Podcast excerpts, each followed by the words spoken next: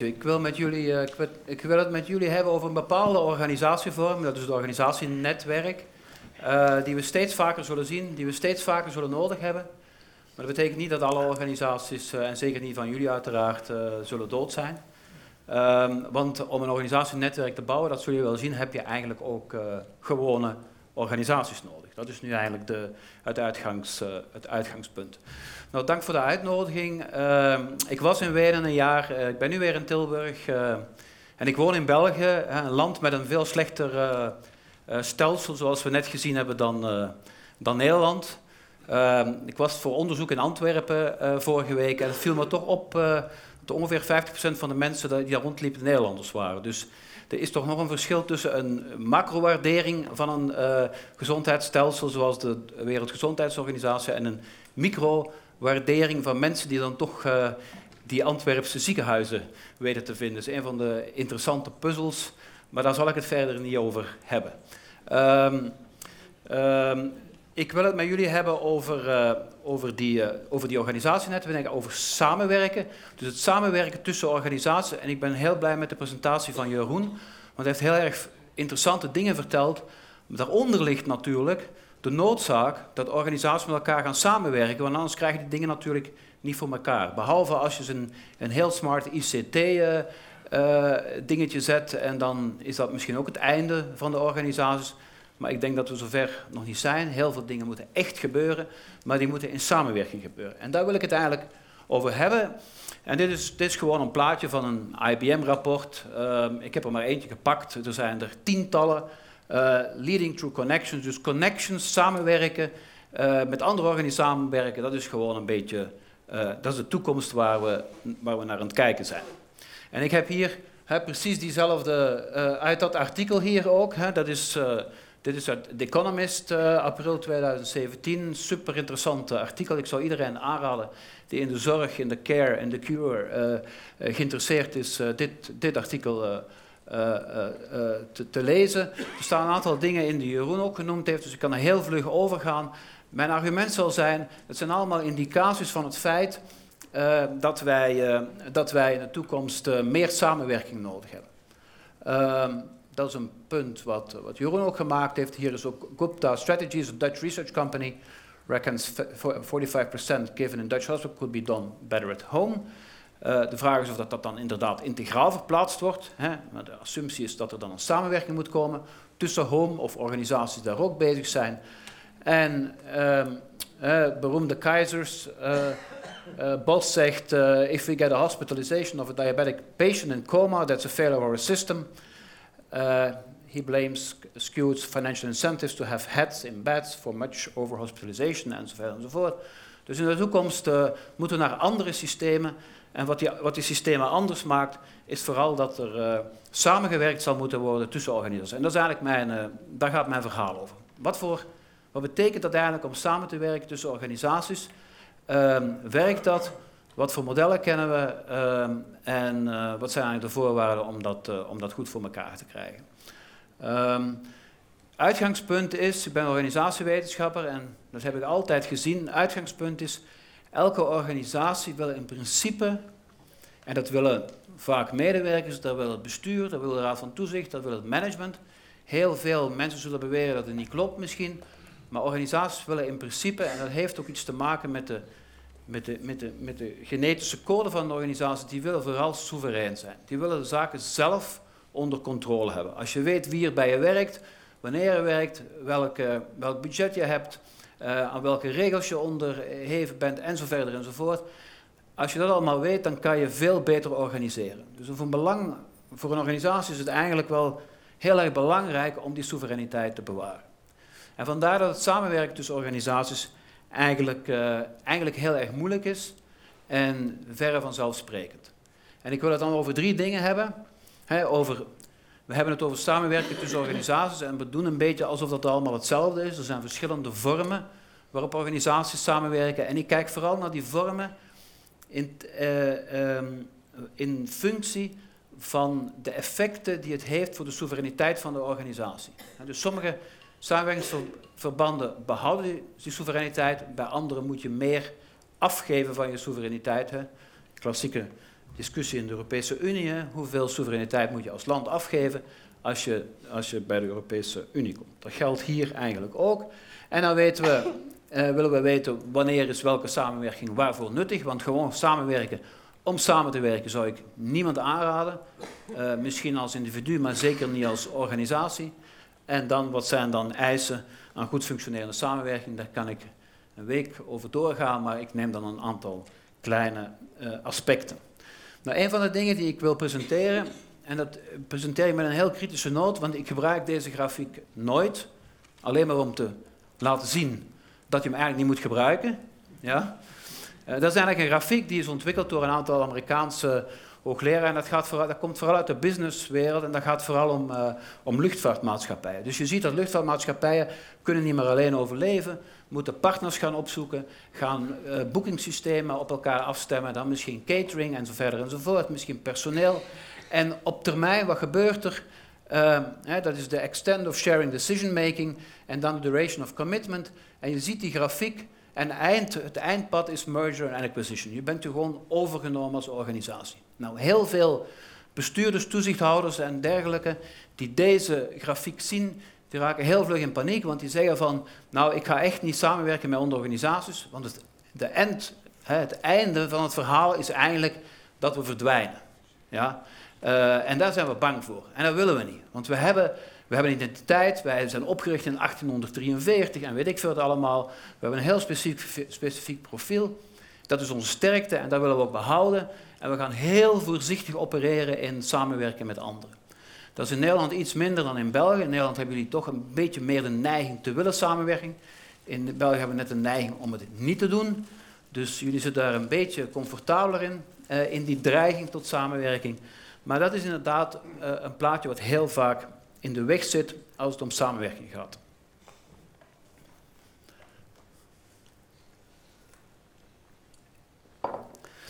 Maar goed, daar wil ik het verder niet over hebben. Ik wil het eigenlijk uh, een beetje over andere modellen van samenwerking hebben. En in plaats van die grafiek gebruik ik deze driehoek. Nou, die driehoek, de basis hier van die driehoek is in principe hetzelfde als wat in die grafiek staat. Dat is één manier om naar samenwerking te kijken. Ik ga samenwerken met andere organisaties. We weten elkaar te vinden. Uh, we gaan misschien over in een fusie.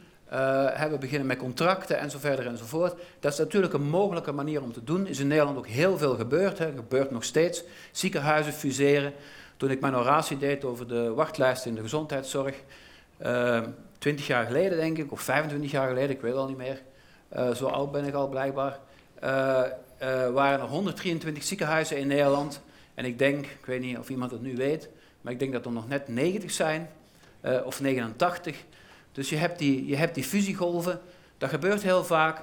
Daar is op zich ook niks, is op zich ook niks tegen, want het is natuurlijk vooral uh, vaak een, toch wel een efficiëntieslag uh, die je er kan maken. Maar ik wil het eigenlijk over andere vormen van samenwerking hebben. En vooral die waarbij zelfstandige organisaties zelfstandig blijven, maar dan uh, op zoek gaan naar andere organisaties om mee samen te werken. En ik gebruik hiervoor om dit een beetje te illustreren, de titel van een Amerikaans artikel. Ik vind de titel heel erg mooi. Shrinking Core Expanding Periphery. En dat betekende eigenlijk dat we in de toekomst steeds vaker gaan zien um, dat die zelfstandige organisaties op een of andere manier toch gevraagd worden. En je ziet die trend heel erg terug te gaan naar waar ze echt heel erg goed in zijn. Ja? En ik kan me voorstellen, eh, wat de medespecialist net zei, moet meer dingen gaan doen, maar eigenlijk wil hij gewoon dat doen waar hij heel goed in is waarin opgeleid is en waar zijn hoofd, uh, hoofd naar staat. Uh, en in de, in de publieke sector noemen ze dat dan vaak het kerntakendebat. Ga terug naar je kerntaak. Dus heel veel organisaties, hè, scholen zeggen van laten we toch gewoon lesgeven. Hè, uh, voor de klas staan en dat soort dingen. Dus dat is één trend die je heel erg ziet. En dat is ook niet onverstandig. Hè, want organisaties, kijken naar woningbouwcoöperaties in Nederland, zijn gewoon te groot geworden op een bepaald moment. Zijn zich met te veel dingen gaan bezighouden. Kunnen eigenlijk niks uh, niks uh, heel erg goed doen. En, en grootte is een van de grote, groot worden is een van de grote problemen bij het organiseren. Dus daar is wel iets voor te zeggen. Maar tegelijkertijd ga je dan terug naar je kern, maar de, de vraag die je krijgt, hè, en dat is dan ook weer het voorbeeld van de opmerking van de medespecialist net, de vraag die je dan krijgt in 15 minuten, die zijn enorm groot. Ja? Opeens willen mogelijk mensen alle dingen mogen weten, Want iedereen vindt eigenlijk dat een holistische benadering wel hoort. Ja, dus krijgt enerzijds heb je maatschappelijke trend dat er holistische hè, of integrated of integrale oplossingen nodig zijn. En anderzijds heb je de tendentie dat organisaties zich toch moeten op hun kerntaken uh, uh, uh, baseren. En wat, hoe doe je en, en, en wat betekent dat? Dat betekent dat wat je kan doen is, ik ga de samenwerking zoeken met andere organisaties om dat te doen. Nou, dat is een grafiek of een, een tabel uit die, uit die publicatie, Shrinking Core Expanding Periphery, van Gulati en Kletner. En hier zie je een aantal heel interessante voorbeelden over die expanding periphery. He, nemen we bijvoorbeeld hier uh, telecom. vroeger maakte het bedrijf, bedrijf phones. Dan komt er billing bij. Dan we can serve multiple needs. En dan we can be your single point of connection to the world. Nu, als je die propositie, dat is een propositie die de klant wel vraagt, maar die kan je als, zelf als organisatie natuurlijk nooit meer waarmaken. Dat kan je alleen maar doen als je een ecosysteem bouwt, hè, zoals bijvoorbeeld eh, Android uh, doet, uh, of Apple. Als je een ecosysteem bouwt waar ongeveer 50, 60 organisaties in zitten, dan kan je dit product opleveren. of neem pharmaceuticals, hè, drugs, product support. We can sell pharmaceuticals. Wat, wat, vragen we in de toekomst? En dat zie je ook bij alle farmaceutische bedrijven. Alle farmaceutische bedrijven, als je op de website gaat, staat: we will, in, we will improve the quality of your life. Dan vraag ik me af hoe gaan ze dat in godsnaam voor elkaar krijgen, in, vooral in mijn geval. Uh, maar hè, als, het, als de gedachte is dat, het eigenlijk, uh, dat zij eigenlijk deel zijn van een groot ecosysteem, dan, kan het, dan zou het natuurlijk wel kunnen. Nu zien we in deze uh, in, dit model, samenwerking van zelfstandige organisaties, kunnen we eigenlijk nog drie, verschillende varianten onderscheiden. En dat is op zich wel belangrijk, maar dat, heeft, dat betekent heel veel voor wat je kan doen. En dat betekent ook heel veel voor, uh, uh, voor je organisatie. De eerste variant die ik onderscheid is eigenlijk lerende netwerken. Dat zijn eigenlijk, hè, wordt ook heel vaak gebruikt, lerende netwerken. We gaan lerende netwerken bouwen. Als je naar kijkt wat dat is, dan is dat vaak van het type dat ik als organisatie ga naar een platform uh, of, een, uh, of een bijeenkomst, hè, zoals vandaag bijvoorbeeld ook. Hè. Jullie gaan waarschijnlijk nog praten met elkaar tijdens een lunch. Het is een soort van lerend netwerk. Het is heel aangenaam als organisatie. Je gaat, je gaat er naartoe, je gaat dus luisteren, wat, wat, wat vertellen die anderen, en je brengt ook wat in en je leert van elkaar. Het effect is dat je dan naar huis gaat, hè, en ik heb het gezien wat jullie allemaal willen, geïnspireerd worden. Jullie gaan met kennis en inspiratie naar huis. En dan zitten jullie in de trein of in de auto en dan denken jullie van, hm, wat betekent dat nu eigenlijk voor mijn organisatie? Hm, ik weet het eigenlijk niet erg, ik weet het niet goed. Of je denkt van, ja, toch misschien eens iets proberen wat ik vandaag ook gehoord heb. En dat is heel belangrijk, maar dat is dan ook eigenlijk het commitment dat je naar jezelf maakt en naar je organisatie. Je hebt iets geleerd, je hebt iets gehoord en je hebt iets ingebracht. Maar het heeft geen enkele invloed eigenlijk op de soevereiniteit van je organisatie. Dus er ontstaat nieuwe kennis. Dus dat is eigenlijk wat jullie ook hier wilden ophalen. Jullie zitten in de juiste film vanuit mijn perspectief en jullie willen ook het juiste product. Dus dat is een heel mooie match. Dus het feit dat jullie hier zijn en vooral geïnteresseerd zijn ook in, uh, in kennis. De tweede vorm is eigenlijk een, uh, een vorm die gaat misschien een beetje verder. Ik noem dat de shared service vorm. Dat betekent je gaat een nieuwe organisatie of een nieuwe structuur creëren met een aantal organisaties, uh, zonder dat je als organisatie naar elkaar opgaat. Hè? Dus dat betekent eigenlijk, je bent vier ziekenhuizen en je zegt van, uh, ja, die lakens wassen, hè, dat hoort toch echt niet tot onze core. Hè? Daar willen we toch niet echt heel erg uitmuntend in zijn. Uh, en het is toch een heel, heel gedoe altijd. En misschien kunnen we, dat een, kunnen we een nieuw bedrijf, een wasserijbedrijf opzetten met drie andere ziekenhuizen. Dan zijn we vier ziekenhuizen en we zetten een, eh, een wasserij op. En we doen dat vooral omdat dat, omdat dat voor een, stuk, een heel stuk efficiënter is. Het is vooral efficiëntie-driven. Dus die shared service systemen klinkt allemaal goed, maar goed, misschien ook goed om te weten dat 70% van die shared service constructies mislukken. Maar de bedoeling is eigenlijk van ik haal iets, uh, ik, ik, ik, ik, ik, ik ga mijn core nog kleiner maken hè, en nog specifieker maken door bepaalde dingen met andere organisaties op te lossen. En dat is eigenlijk de gedachte. Uh, en dat is, hè, zoals ik zei, efficiëntie. Hier een klein dingetje wat ik zo graag uit die Skipper-pagina haal. Hè, dat zijn van die leuke dingen. Uh, er staat dan onder, ziekenhuizen besparen 21 miljoen met inkoopsamenwerking. dat is een fantastische propositie. Hè? Uh, 21 miljoen. En dan hoop je ook dat het niet gaat aan het bestuur, dat dat voor elkaar gekregen heeft.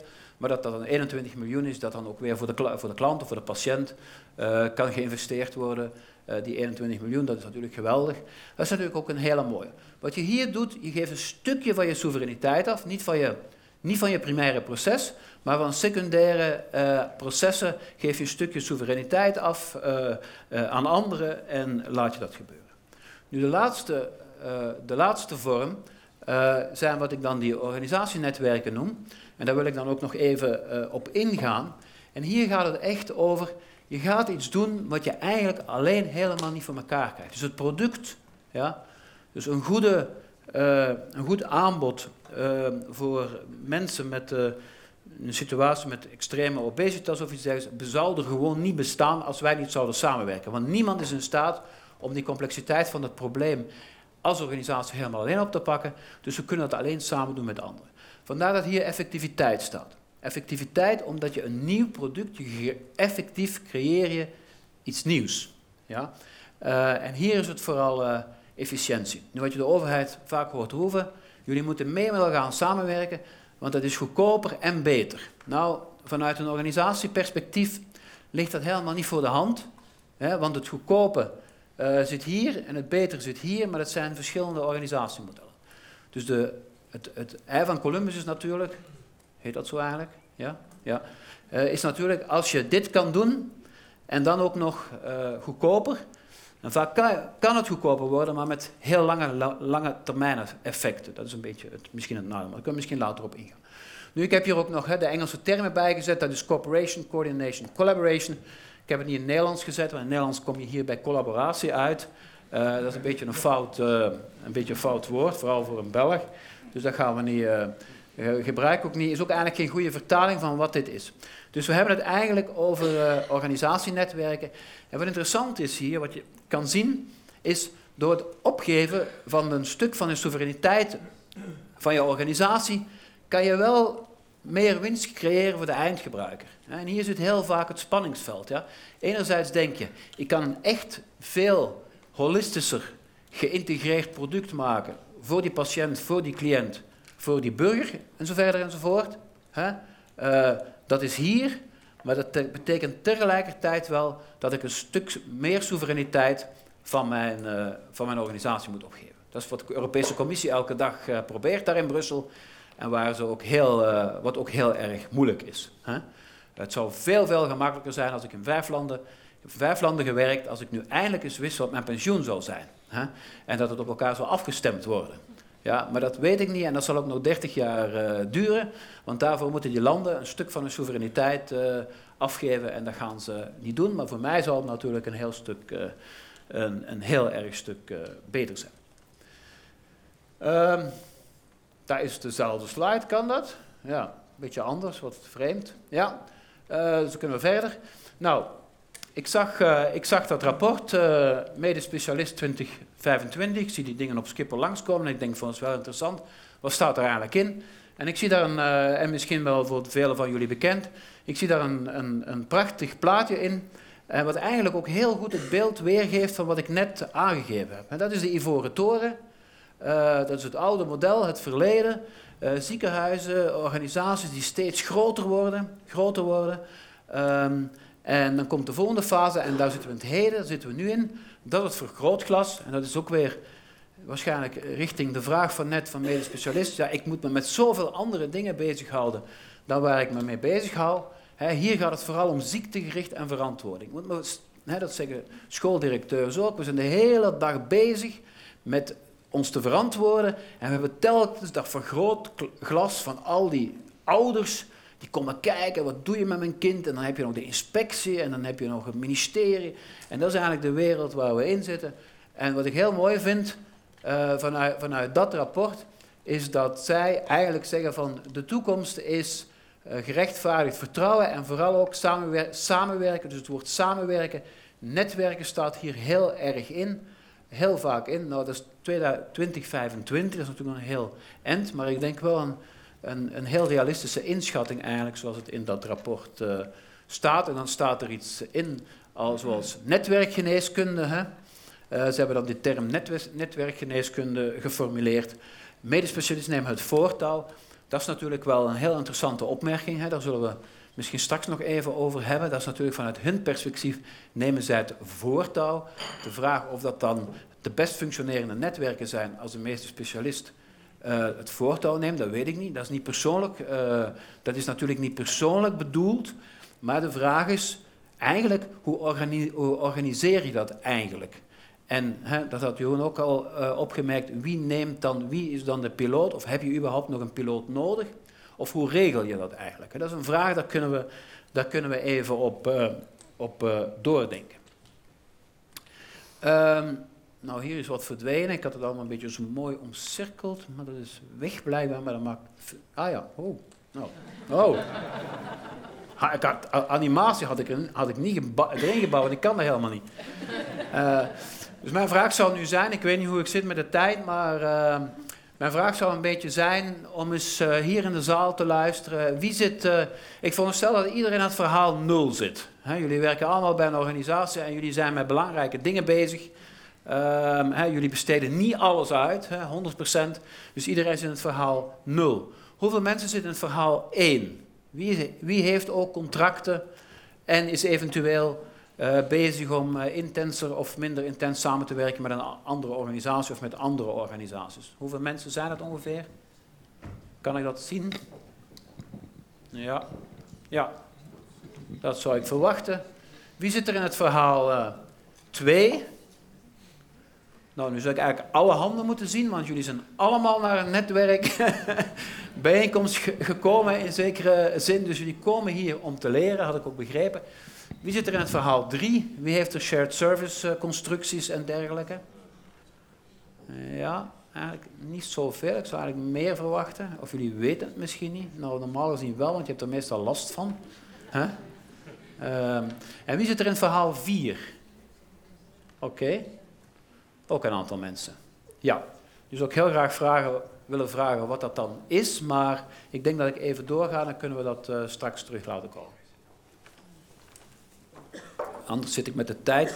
Dus wat zijn die uh, organisatienetwerken? Hier staat het een beetje. Dat is, ik, heb het nu, ik ga nu even, ik ga gewoon door op, deze la, op, op nummer 4. Voor de rest laten we maar voor wat het is. Dat zijn dus het verbinden van, van organisaties. Ze blijven soeverein. Ze geven wel een stukje uh, soevereiniteit af, hier en daar. Uh, en ze willen iets bewerkstelligen, een R, een resultaat, wat niemand alleen tot stand kan brengen. Dat is eigenlijk de definitie. En wat heel, wat heel vervelend is, uh, is de voetnoot, er is geen eenheid van eigendom en er is geen eenheid van leiding. Dus niemand is de eigenaar hiervan. Uh, en niemand uh, is, heeft, heeft de authority. Ik heb het niet over leiderschap, ik heb het over leiding. Niemand heeft in de klassieke zin van het woord, kan anderen bepalen of, of bepalen wat anderen moeten horen te doen, in de term van authority. En dan is de vraag natuurlijk, wat is dan die rode cirkel? wat houdt die boel eigenlijk uh, bij elkaar en hoe werkt dat eigenlijk? Daar gaat eigenlijk uh, mijn onderzoek en mijn, het onderzoek van mijn onderzoeksgroep, dat gaat, uh, dat gaat, vooral, dat gaat vooral daarover. En heel veel organisatienetwerken, ik zei al shared service centers, die mislukken. Dat is ongeveer 70%. Bij organisatienetwerken is het 80%. Heel veel van die intenties om met andere organisaties samen iets te creëren, dat werkt niet. Dus er zijn heel veel failures. En dat is hier een heel erg mooi boek, hij noemt dat niet uh, organisatienetwerken, hij noemt dat eigenlijk ecosystemen. Hij heeft het over ecosystems. Nou, die ecosystemen en die organisatienetwerken zijn eigenlijk hetzelfde, het zijn gewoon andere woorden. En hier staat een, een voorbeeld van zo'n ecosysteem of een organisatienetwerk dat mislukt is, omdat er eigenlijk geen rekening gehouden is met een heel belangrijk element uh, in dat ecosysteem en niet meegedacht is. En hij heeft een hele reeks van dat soort voorbeelden in zijn boek, maar ook uh, gefaalde, maar ook goed uh, werkende. Ik heb hier een hele lijst van, van dingen waar organisatienetwerken aan de orde zijn. Dus het punt is niet dat je organisatienetwerken voor alles en nog wat moet inzetten. Die zet je, die zet je vooral in als er een vraag is die geen individuele organisatie kan beantwoorden en als een individuele organisatie ermee aan de slag zou gaan, dan zou ze het onvolledig doen of dan zou ze het niet goed doen. Uh, of dan zou ze te gestandaardiseerd doen, dan zou ze te weinig uh, flexibiliteit hebben. Dus het zijn allemaal dingen die hier uh, staan. Um, voorkomen stoppen van kindermishandeling. Um, daar is nu de, de nieuwe minister is net een groot plan schrijven, waar zal in staan hoe dat in de toekomst beter moet. Um, RIVM, ik werk met RIVM samen rond aanpak mogelijke infecties. Ja. Maar ik moet, moet vooruit. Dus allemaal onderzoeken waar ik op een of andere manier bij betrokken ben. Uh, een ander voorbeeld, ik vind het een, hè, want ik heb altijd mijn, mijn, cirkeltje met de R naar rechts, dus ook een voorbeeld. Hè, dan hebben we het bij de ouderen. Hier gaat het over vulnerable adults, able to live independently with a good quality of life in their own home. Dus dat zijn die krakkemiekerige tachtigers die per se thuis willen blijven wonen. Uh, hè, en, sorry? ja, ze kunnen niet anders. Uh, of, ze, of ze willen misschien ook zelf, of weet ik veel wat. Maar de vraag is van, hoe kan je, dat eigenlijk, hoe kan je daar eigenlijk goed voor zorgen? En dan is er, staat er in een rapport... Ja, sorry, ik heb de, de referentie staat er niet bij, maar het is makkelijk te vinden op internet. Ik vind een hele mooie manier om een organisatienetwerk, productie of logica voor te stellen. Je vertrekt vanuit de vraag, een heel duidelijke vraag, uh, die cliënt. Je kijkt naar van wat kan zo'n persoon allemaal nogal nodig hebben. Dan kijk je naar, uh, naar services die daaraan gekoppeld zijn. Je ziet dat die services op een of andere manier ook aan elkaar gekoppeld zijn. En hier aan de achterkant zitten die organisaties, die worden helemaal niet meer benoemd. Ja? Dus vandaar een beetje het einde. Hè, in het denken is er een beetje het einde van de, van de organisatie. Hè, hier staat organisatienetwerk staat heel centraal. Maar uiteraard zijn het organisaties die het allemaal moeten, uh, die het allemaal moeten doen. Nu mijn laatste, ik heb nog vijf minuten, dus mijn laatste punt, ik zal het vlug proberen te doen. wat zijn dan de eisen? Wanneer functioneren dat soort organisatienetwerken uh, heel goed? En zoals gezegd, ik heb een opleiding die duurt uh, drie dagen aan één stuk. Dus je mag wel een beetje slapen tussendoor, maar het duurt drie dagen aan één stuk om deze vraag te beantwoorden. Um, maar um, ik zal een paar heel belangrijke dingen noemen. drie, drie belangrijke dingen eerste is al genoemd, ook door Jeroen, dus vandaar kan ik dat ook weer uh, skippen eigenlijk. Hè. Die visie, hè, waarom, hè, de why, is heel erg belangrijk. Hè. Uh, nou, is weer iets misgegaan, maar maakt niet uit. Hè. Hier is de why. Hè. We hebben gezien, zo'n organisatienetwerk hier getekend. Net was het resultaat nog naar rechts getekend. Wat wij zien in onderzoek is dat om een binding te creëren. Hè? Want dan, moet je eigenlijk doen. Hè? Dus zoals, eh, zoals mayonaise maken. Hè? Je gooit verschillende dingen bij elkaar. Uh, je begint te kloppen, te roeren op een bepaalde, op een wonderlijke manier. Op een bepaald moment ontstaat er zoiets als mayonaise. Ik weet helemaal niet of jullie dat in, Nederland nog zelf maken. Wij in België uiteraard wel. Hè? Dus uh, we, doen die dingen samen. Op een wonderlijke manier ontstaat er opeens iets. En, en de vraag is Waar komt die energie vandaan? En dat komt natuurlijk door het kloppen, dat is, dat is evident. Maar in organisatienetwerken zien we heel vaak dat heel veel energie komt van de why. We weten waarom we dit doen hè, en voor wie we dat doen. In termen van een eindgebruiker. Het gaat over die ouderen die thuis wil blijven wonen, maar toch wel behoefte heeft, zoals net ook genoemd werd, toch behoefte aan sociaal contact. Toch een tuin heeft die hij niet wil opgeven, maar waar hij toch het onkruid niet wil zien, uh, niet zien groeien en zo verder enzovoort. Dus dat is eigenlijk, uh, uh, dat is eigenlijk waar doen we het voor? Dat is heel erg belangrijk. Een ander punt zei ik, en dat noem ik ook even, dat is geduld. Dat is een hele belangrijke. Als je te ongeduldig bent met het creëren van dat soort systemen, dan ontstaat er stress. Ehm, en die stress is eigenlijk, zou eigenlijk energie moeten worden. Dit komt uit een, dit komt een uh, onderzoek over shared service centers. Er staat ook een foutje hier, dat moet niet service service centers zijn, maar shared service centers. Uh, dat, is, dat komt uit een onderzoek voor shared service centers en voor organisatienetwerken zijn we in Tilburg net een vergelijkbare grafiek aan het tekenen.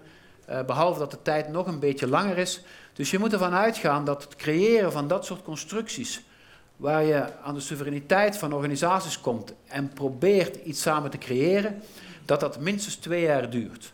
Ja?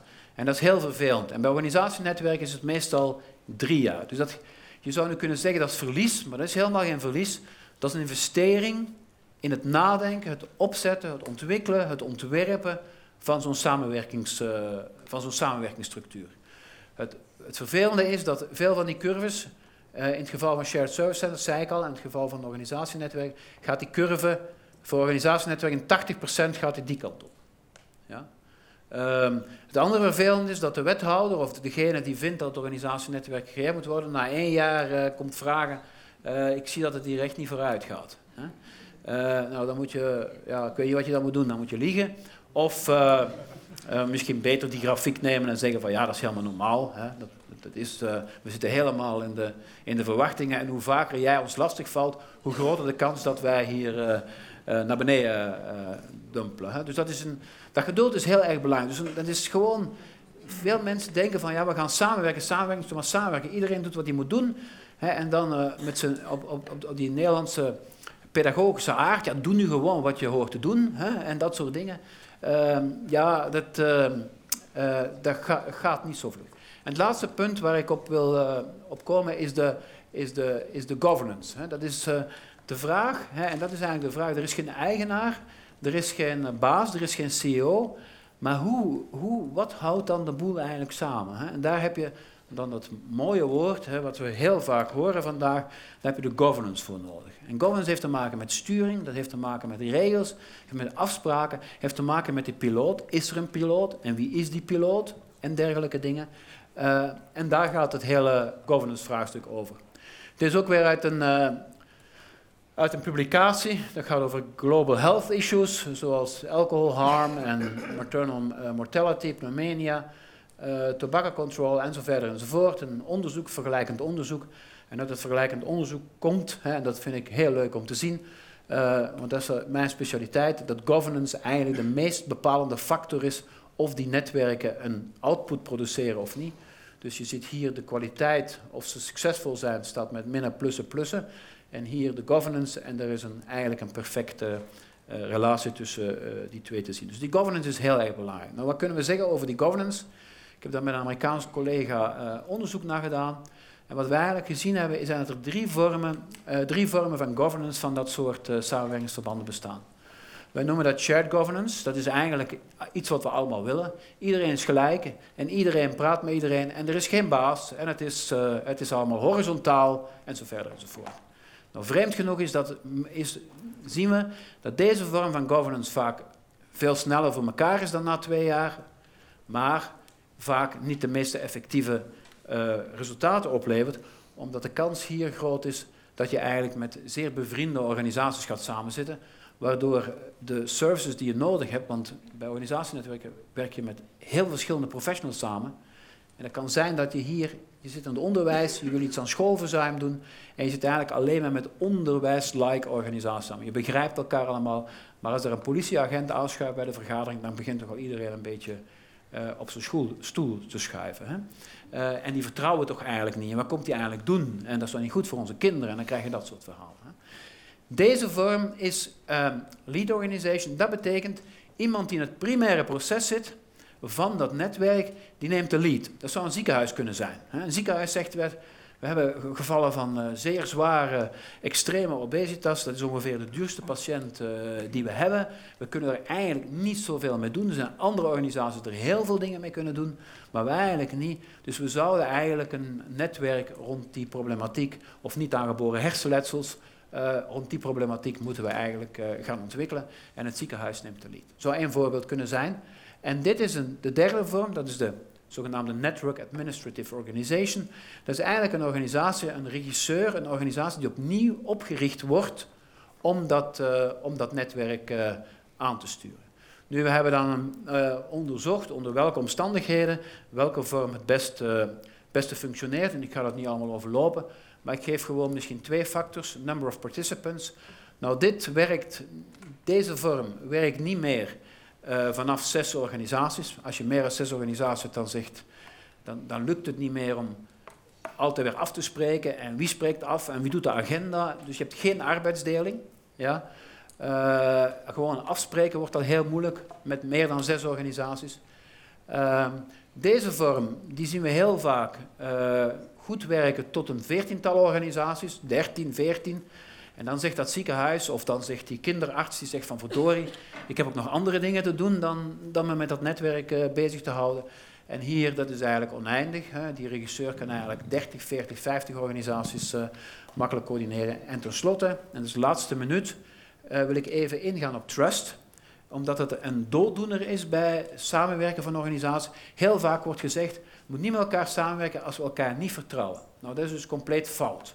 Ja, dat zou je in heel veel praatjes en op heel veel websites uh, lezen. Vertrouwen is het belangrijkste. Ja?